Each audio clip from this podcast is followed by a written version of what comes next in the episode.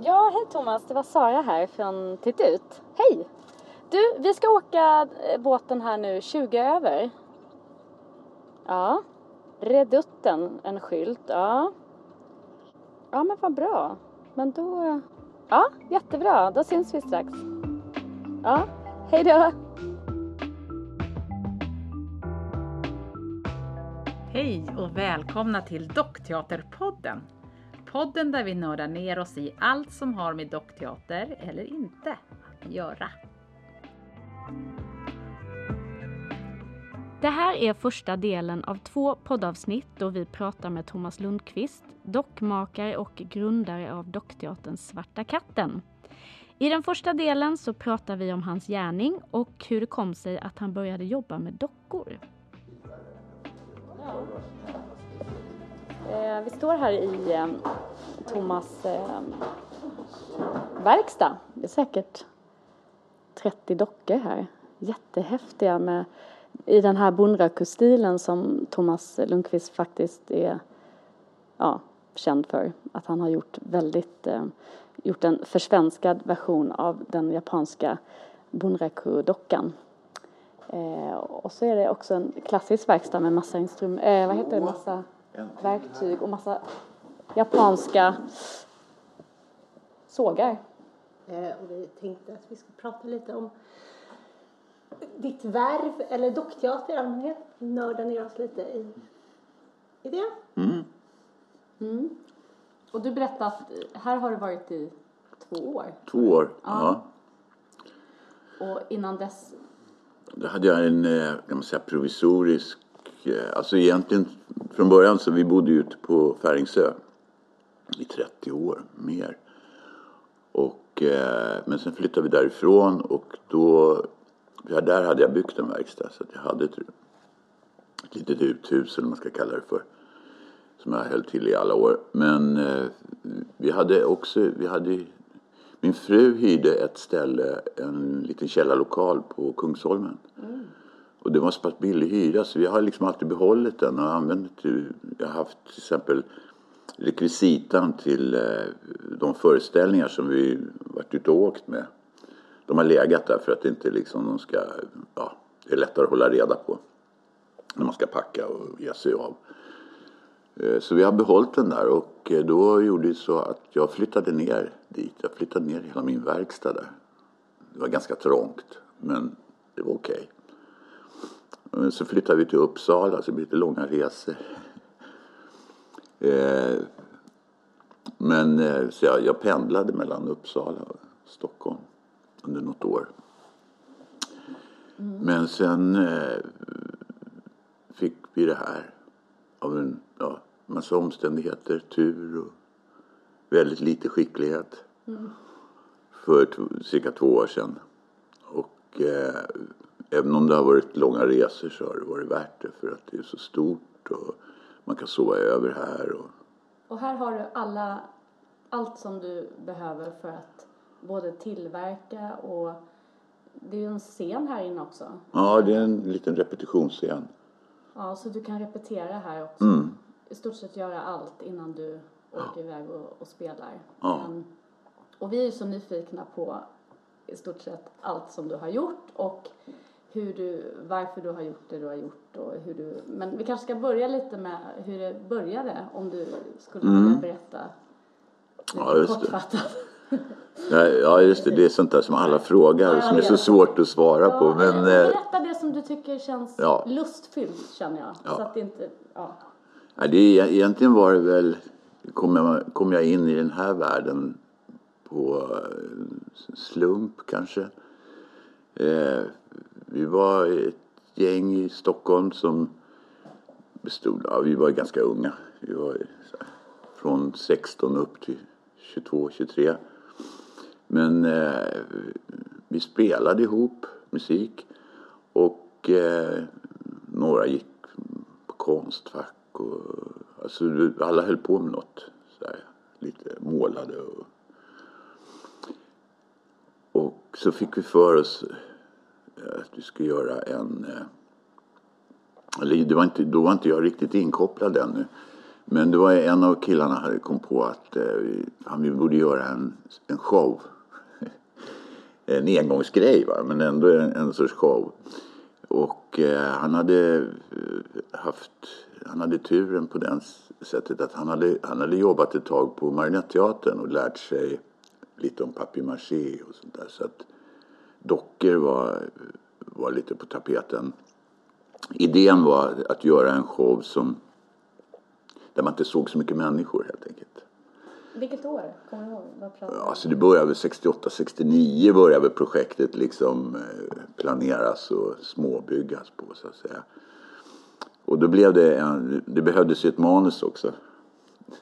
Eh, så under, det verktes liksom fram men det blev liksom en serie tablåer kan man säga. Eh, scener, korta scener. Eh, halvt satiriska. Så här. Men det var ett jätteprojekt för det var, alltså, det var ju fullskaligt för en scen. Alltså, men var, ingen... ni, var ni alla studenter då? Och... Ja, alltså alla hade en del gick och städade, städade tåg på SJ. Och liksom, jag jobbade på ett tryckeri i Stockholm just då. Men eh, det var ju så på den tiden att man, vi var inte så yrkesinriktade. och det fanns alltid sådana här påhugg eh, som man kunde ta. Man jobbade ihop lite pengar och så tog man ledigt, reste eller, eller gjorde något annat. Liksom. Så att det var, man, behövde, man kunde leva ganska bohemiskt. Och sen var hyrorna av ett annat slag för det fanns gott om eh, omoderna lägenheter. Jag menar, man, jag kommer ihåg man betalade aldrig mer hyra än några hundralappar. Så, idag får man lägga till två nollor. Så att eh, det var ju skillnad. Det var ju mycket lättare för folk att engagera sig spontant i sådana här projekt som vi höll på med. Men och vad, vad var din roll i det här? Eh, han hade jobbat på Marionetteatern. Ja. Och vad var min, alltså, ingen hade någon bestämd roll sådär utan dels var jag, jag spelade musik så att från början var, var det nog den biten jag var i, hamnade i, i, i det hela. Men jag menar jag tecknade och målade så att jag, jag gjorde lite av varje.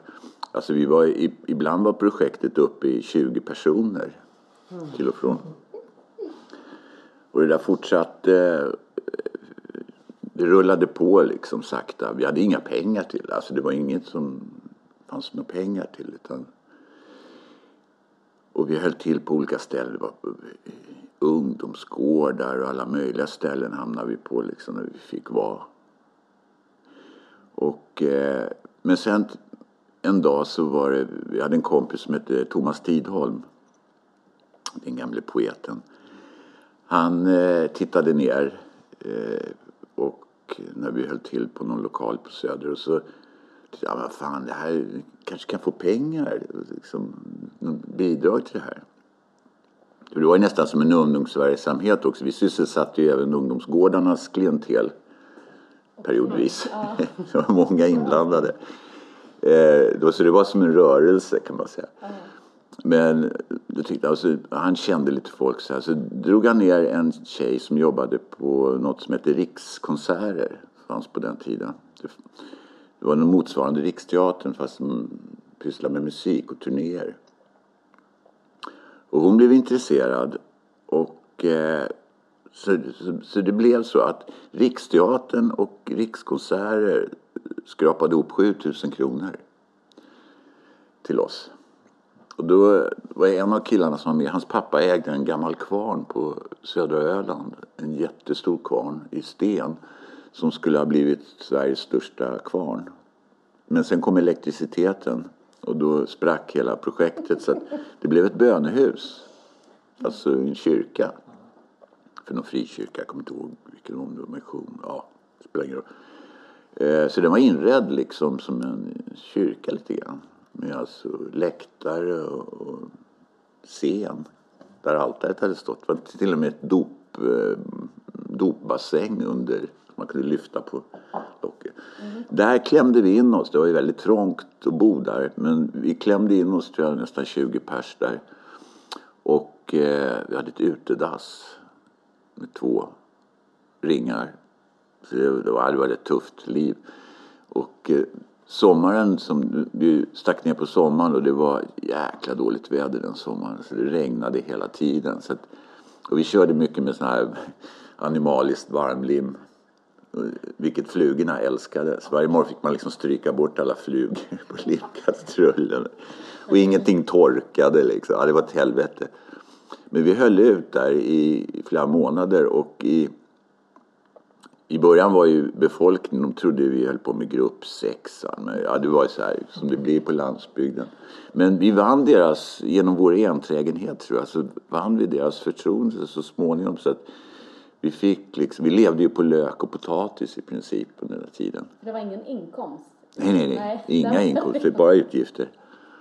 Men eh, vi hade i alla fall premiär någon gång i, tror jag, början på september, slutet på oktober. Och då hade redan eh, tidningarna fått nys om det där. Så att det var lite intervjuer och sånt där. De kom ner. Och det var då, na, vi hade inte tänkt bli någon permanent grupp. Så att vi hade inte tänkt på att ha någon namn eller något sånt där.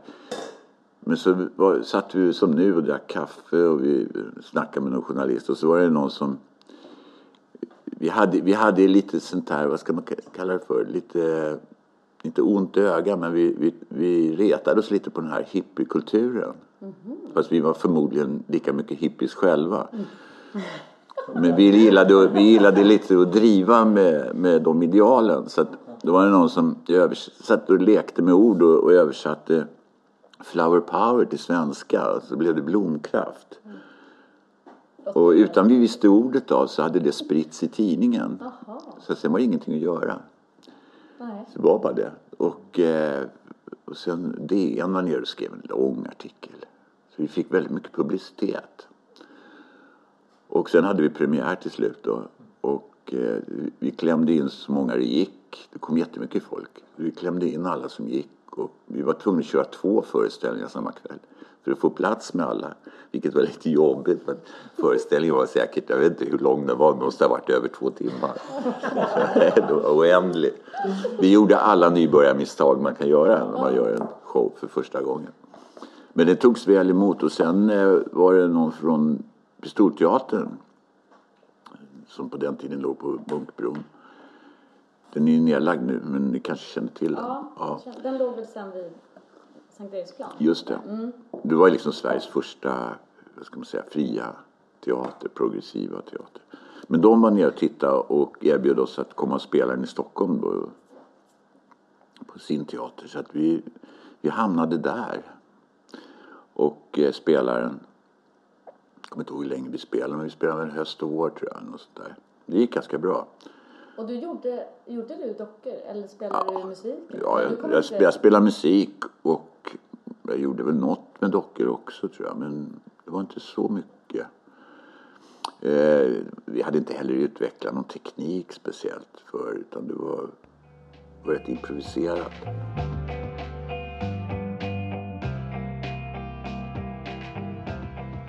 Men hade du ett teaterintresse? Nej. Nej, utan du ville... Det här var liksom ett... Vi hade en helt egen idé om vad en föreställning skulle vara. Man ja. säger så. Vi hade, vi hade liksom ingen, ingen riktig förebild. Utan eh, det var, det var liksom... Eh, det var en upptäckargrej. Men var du eh, i, vad jobbade du eller kom du i kontakt med Marionetteatern då på den tiden med Merske och sådär? Eller? Nej, jag vet att han skickade ut spioner för att titta på föreställningen. Han, jag tror att han var lite orolig. För han var ju liksom ensam kung i, i Sverige på den tiden. Så att eh, han var lite orolig över det här. Men, nej, men vi fick bra kontakt med honom så småningom faktiskt. Eh, men men eh, vi, vi, vi blev liksom kvar på Pistolteatern så vi brukade ha när de var på turné fick vi sätta upp grejer och göra grejer. Så vi satte upp lite här improviserade föreställningar och tog dit lite gästartister. Och lite sådär. På, och på helg, måndagar brukade vi ha någonting. Program på vilket sätt kom dockorna in då? Vi, vi gjorde dockor och eh, ganska yxiga dockor. Men, så att jag kommer vi satte upp någon parodi på Rödluvan och vargen. Och vi, ja, det var rätt anarkistiskt om man säger så. Men sen, sen, sen fick vi en, ett, en, eh, ett erbjudande som var svårt att tacka nej till därför att SVT, alltså televisionen, Sveriges Television, de hade köpt en pjäs av, eh, som de skulle sätta upp av Picasso. Och det var precis när man hade upptäckt det här med kromaki. Eh, som var en helt, kromaki, man har en blå bakgrund och så kan man kopiera in andra bilder i bakgrunden. Mm. Sånt som är standard idag. Det, det som blev eh, green screen. Green screen, ja precis. På den tiden var den blå. Ja, det är därför Stålmannen har blått hår för övrigt. Just det. I de här tidiga filmerna. Mm. Okej. Okay. Så är det. Och, eh, men grejen var att det sket sig med Picasso. Därför att det var någon änka eller vad det var som, inte, som plötsligt sattes på tvären. Så de fick inte göra Men då hade de redan eh, fixat alla resurser och allting. Vilket inte var så lite.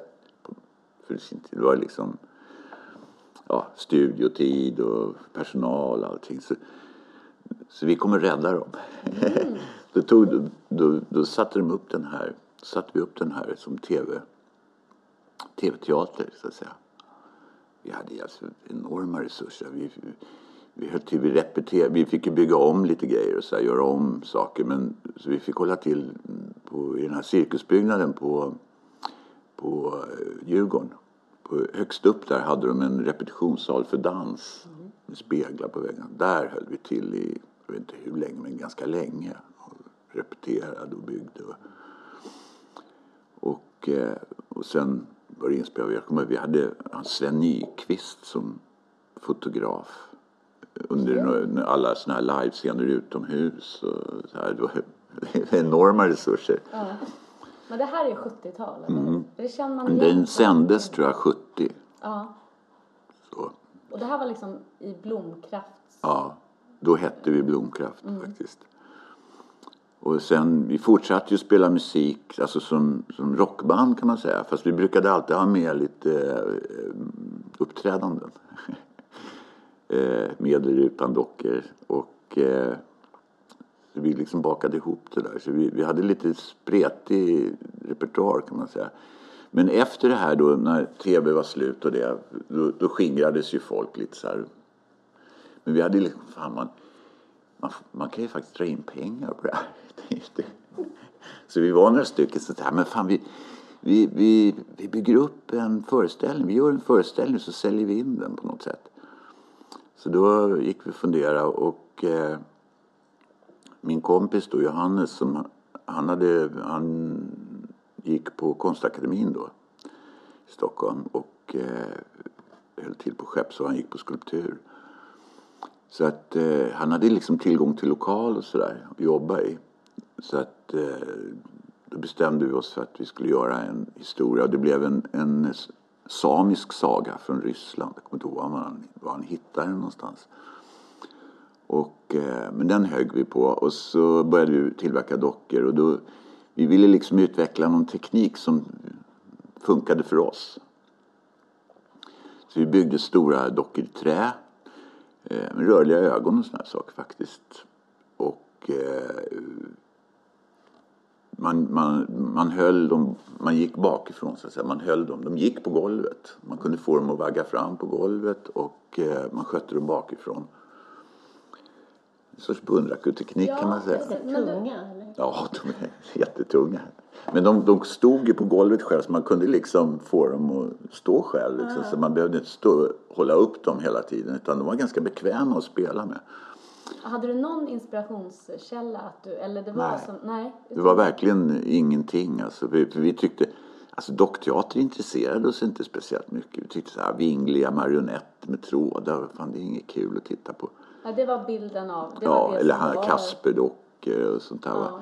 Så att vi, vi ville liksom göra någon helt egen variant av det här.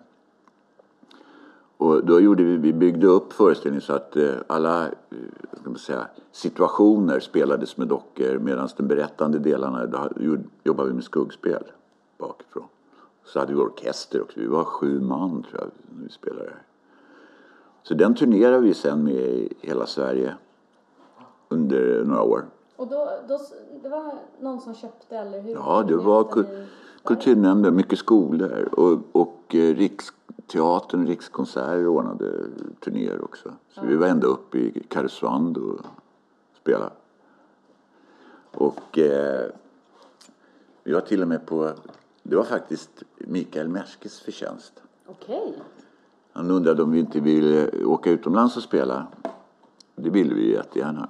Vi hade ju varit utomlands och spelat. Vi hade spelat i Tyskland och Holland och så här. Men då, ja, ja, ja vi, det, det finns ett ställe här i Nancy. Det var alltså en sån här jättefestival. Nu har de den i, vad heter det, ett annat ställe i Frankrike. Nej, det var ingen dockteaterfestival, teaterfestival. Avignon. Avignon, ja. Men på den tiden var det i Nancy. Och då kom det teatergrupper från hela världen. Det var jättelikt. Så han frågade om vi ville eh, komma och spela där. Ja, det ställde vi upp på naturligtvis. Ja, vi ska fixa något mer. Paris också då. Så då visade det sig att han, hans polare, det var ju den här han som blev eh, kulturminister sen, Jacques Lang. Så han bara ringde upp honom. Ja, ja, ja jag skriver den här. Så liksom skrev han någon jävla lapp och så skickade han med posten och så var det klart. Så han var ju sån. Härligt. Ja, jättehärligt. Så att vi hamnade i, först då i Nancy och det gick jättebra. Och sen hamnade vi i Paris och då var det så att det var de, Jacques Lange hade ordnat någonting som hette Nation- Nationalteatern för barn. Så då var det mitt... han höll till i ett slott som hette Vincennes som var en stor gård. Där hade de smält upp två cirkustält och sen hade de lite lokaler kors och tvärs där inne.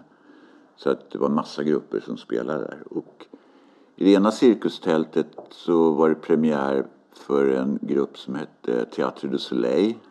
De spelade in den här pjäsen om eh, revolutionen, den franska revolutionen. Det var deras första pjäs. Och i det andra cirkustältet spelade vi. Skitkul. Det var ju perfekt. Eh, cirkustältet var perfekt för den här föreställningen. Den liksom funkade jättebra. Så då fick vi lite blodad tand sådär. Och sen Ja, så for, rullade det på liksom. Men sen hade vi en kompis, en japansk kille, konstnär, som bodde i Stockholm. Och han eh, började ju, liksom, han tyckte, ja men den här tekniken ni har, det, det liknar rätt mycket någon, japansk. Så Han, han visste inte jättemycket om den, men han visste att den fanns och sådär. va, Och vad den gick ut på. Nej, nej, det här har vi kommit på själva. Nej, då, vi blev jätteintresserade så, såklart.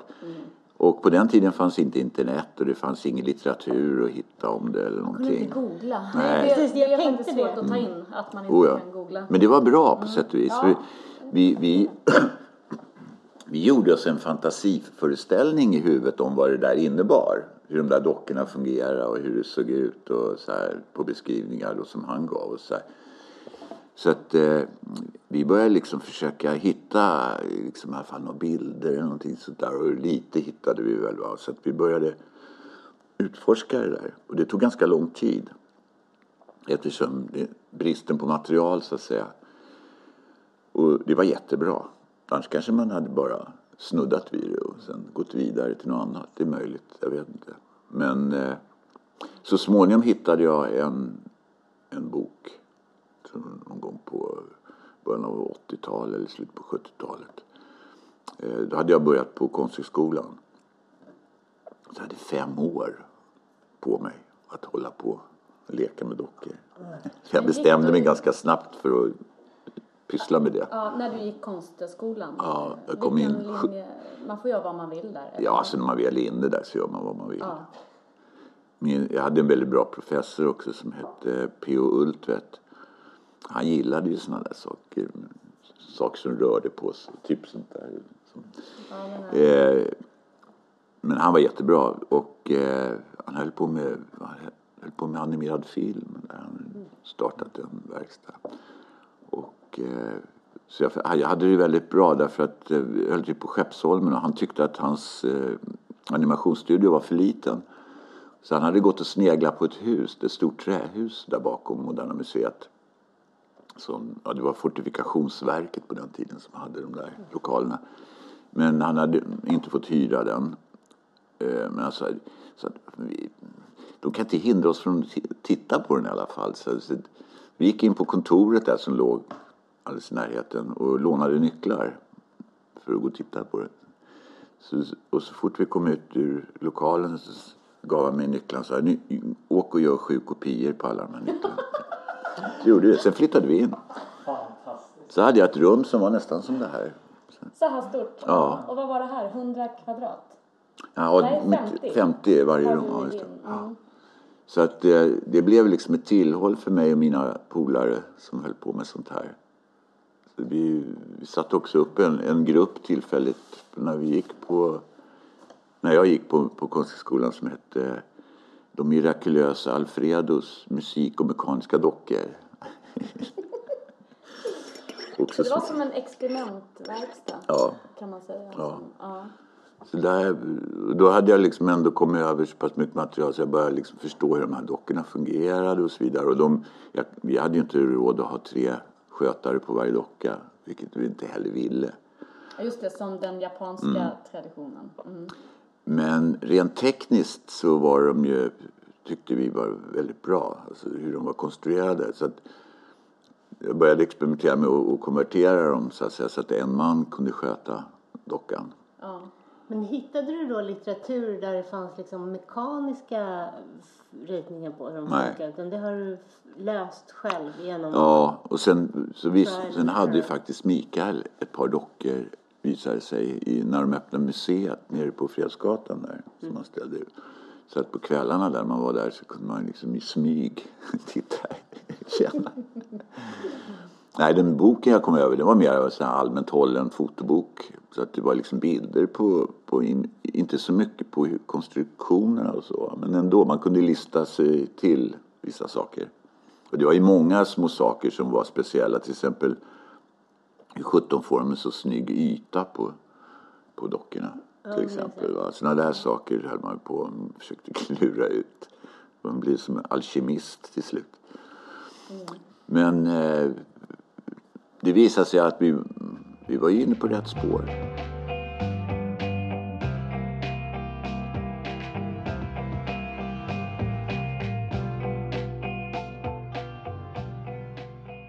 Vilken är den första dockan du gjorde?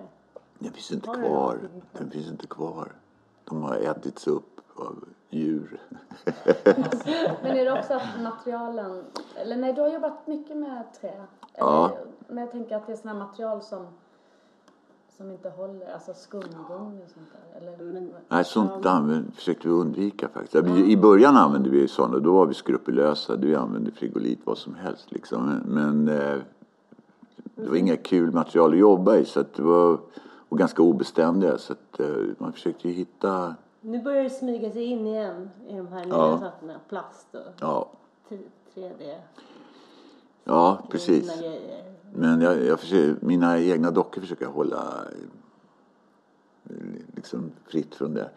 Det blir fult med, med tiden, visar det sig. Skumgummi ruttnar ju mer eller mindre. Sådär. Och det finns jättebra material, naturmaterial som, som håller, som man kan använda till. Det beror på vad det ska vara till, va? Men, men till stoppning och sånt där så kan man hitta material som är beständigare. Så nu, nu du jobbar framförallt i trä? Eller? Ja. Trä och så blir det lite tyg och så blir det lite bambu. Det är väl i stort sett det. och vad är det för trä? Är det lärk? Nej, vad är de lätta trä? Eller vad Eh, använder man för något? I, ja, ja, lind. Men lind är ganska knöligt att jobba med. Det är ganska hårt trä. Det finns eh, ett trä som de kallar för basswood som är amerikansk lind. Det är betydligt lättare att skära i. Eh, lind är mer för bildhuggeri. Liksom, man, det, är, det är ganska kompakt trä. Det är fint att skära i men det, det liksom blir lite tungt. Och, Hur gör man det lätt då? När man jobbar med trä? För en dockspelare tänker jag. Eh, alltså de, de jag bygger, så, till exempel huvudena är ju urholkade. Så, och, och trä är inte speciellt tungt egentligen så länge det håller sig på en schysst storlek. Det är först när det blir jättestort som det blir tungt. Papper är också tungt. Alltså per kubik så att säga. Så att det, men det trä som vi hittade som gick att få tag på och som fortfarande går att få tag på det var gelutong. Det är är inte det ett sånt regnskogsträd? Nej, det är ett plantageträd. Det är alltså gummiträd. Som odlas i, alltså det finns många sorters gummiträd, men det här odlas i Malaysia. Och när, när de har liksom vuxit färdigt och när de inte får ut med gummi på det, då gör de timmer av det. Och det används väl mest till sådana här blindträ och sånt. Va? Men det är perfekt att skära i. Känner du till den engelska dockmakaren och även dockspelare Steven Mottram? Ja, har du träffat honom? Ja, ja. Ja, är ni, ni kanske är kompisar? Vi, ja, vi, har stött, vi brukar stöta ihop i Italien. Har vi stött ihop flera gånger. Ja, för att han har ju lite koppling till Sverige. Mm, eh, just det. jag förstått som. Eh, Och jag tänker just på honom. Jag hade honom som lärare Mm. i England. Kanske du också Lisa? Nej. Nej. För att han arbetar ju också i trä. Ja, just det. Och, och då tänkte jag på det här att han pratar så mycket om att han bygger in rörelsen Mm. I och sen gör dockan gör bara den enda saken som bara för att föra in det lite på det här med vad man vill att dockan ska kunna göra. Jag tänker Mm. du från det här konsthållet och du liksom gillar det här tekniska och när började du tänka på att eller gjorde du det från början så här hur den här hur jag ska bygga in rörelsen i dockan eller eh, var det också bara ett utforskande av Ja, det var mycket utforskande för att eh, det som var roligt med den här typen av dockor som man håller i direkt, alltså inte via trådar eller pinnar direkt, det är att man kan eh, få så nyanserade rörelser och få liv i dem så att säga. Så det var det som var lite lockelsen med det. Att eh, man de kan andas och liksom, man behöver inte ha stora rörelser för att få liv i dockorna. Och, eh, och samtidigt var det väl också så att eh, man lärde sig att bli dockspelare säga, ja, genom Genom att eh, hela tiden praktisera det. Så att det var ju på något sätt uppfann man väl hjulet på en, en gång till så att säga. va. Eh, men eh, det var ju, det var ju, jag tycker det var ett bra sätt att lära sig ändå. Där. Det tog ju tid, men det var, det jo, var men man belönande. ser ju skelettet ja och att lära sig inifrån och ut. För Mm. Det är ju just styrkan tycker jag att, att man kan vara dockmakare och dockspelare. Då vet man ju exakt hur Mm. Ja, visst. är uppbyggt och Det är privileg, privilegierat därför att det är, nu, numera bygger jag lite olika typer av dockor. Jag bygger marionetter också.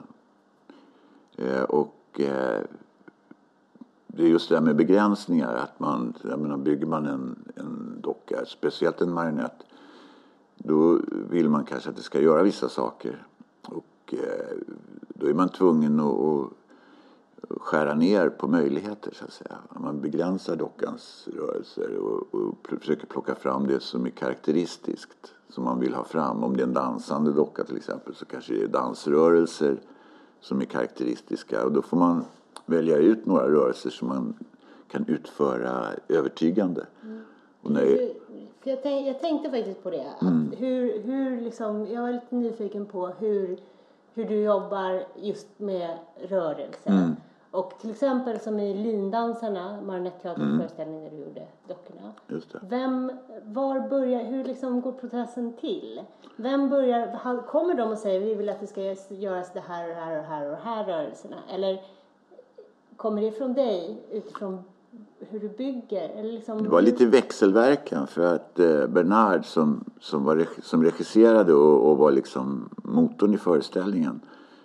Eh, han var ju dansare. Så han hade ju helt egna idéer. Så att det gick väl till så att eh, han visste vad jag gjorde för dockor. De ville ha Bunrack-dockor till det här. Och eh, de har ju jobbat med dockor som jag har tillverkat tidigare och vet ungefär hur det fungerar. Så att eh, det var ju förutsättningen. Men sen var ju det roliga var att när han började regissera så fick han ju dem att göra saker med dockorna som jag aldrig hade överhuvudtaget reflekterat över var möjliga eller, eller ens rimliga utifrån hans dansbakgrund, vilket var jättebra. Så att det, det var, vi kom från varsitt håll där men vi, vi, liksom, eh, vi fick ihop det där. Han hade en massa idéer som inte gick att förverkliga också såklart, för så är det ju. Så då börjar du ge dem någon typ av liksom dummies eller arbetsrepdockor. Ja, just det. Så att, eh, ja, det var en process kan man säga. Och eh, ja, det var, jag tror, det var ganska kul faktiskt att jobba med en dansare. För de, dansarna är ju kanske de närmaste dockorna. på något sätt. Eller jag menar, dockteater är ju egentligen en form av dans kan man ju säga. Ja, Det är ju inte, det är inte litterärt. Va? Nej. Det är bild och rörelse. Ja, precis. Så att, eh, ja. Ja, men för jag, jag, jag, vet inte, min erfarenhet är ju det att det är en process liksom som är, är sådär växel, alltid Mm. växelverkan. Att man börjar komma med något och så, så kommer, får man någonting tillbaka och så gör de plötsligt någonting som man aldrig hade tänkt att det skulle göras. Nej. Så, men man behöver den tiden också att kunna liksom, Prova sig fram. Ja. prova sig ja, fram ja. och förändra. Och det, alltså på något sätt är ju dockorna bestämmer ju ramarna hela tiden. Så att även när du tror att du har byggt en docka som ska göra vissa saker så visar det sig att nej, det funkar inte. Däremot kan den göra andra saker. Va? Så att det, man är lite i händerna på slumpen kan man säga. Eller liksom, det är dockan som ändå sätter ramarna för vad som är möjligt.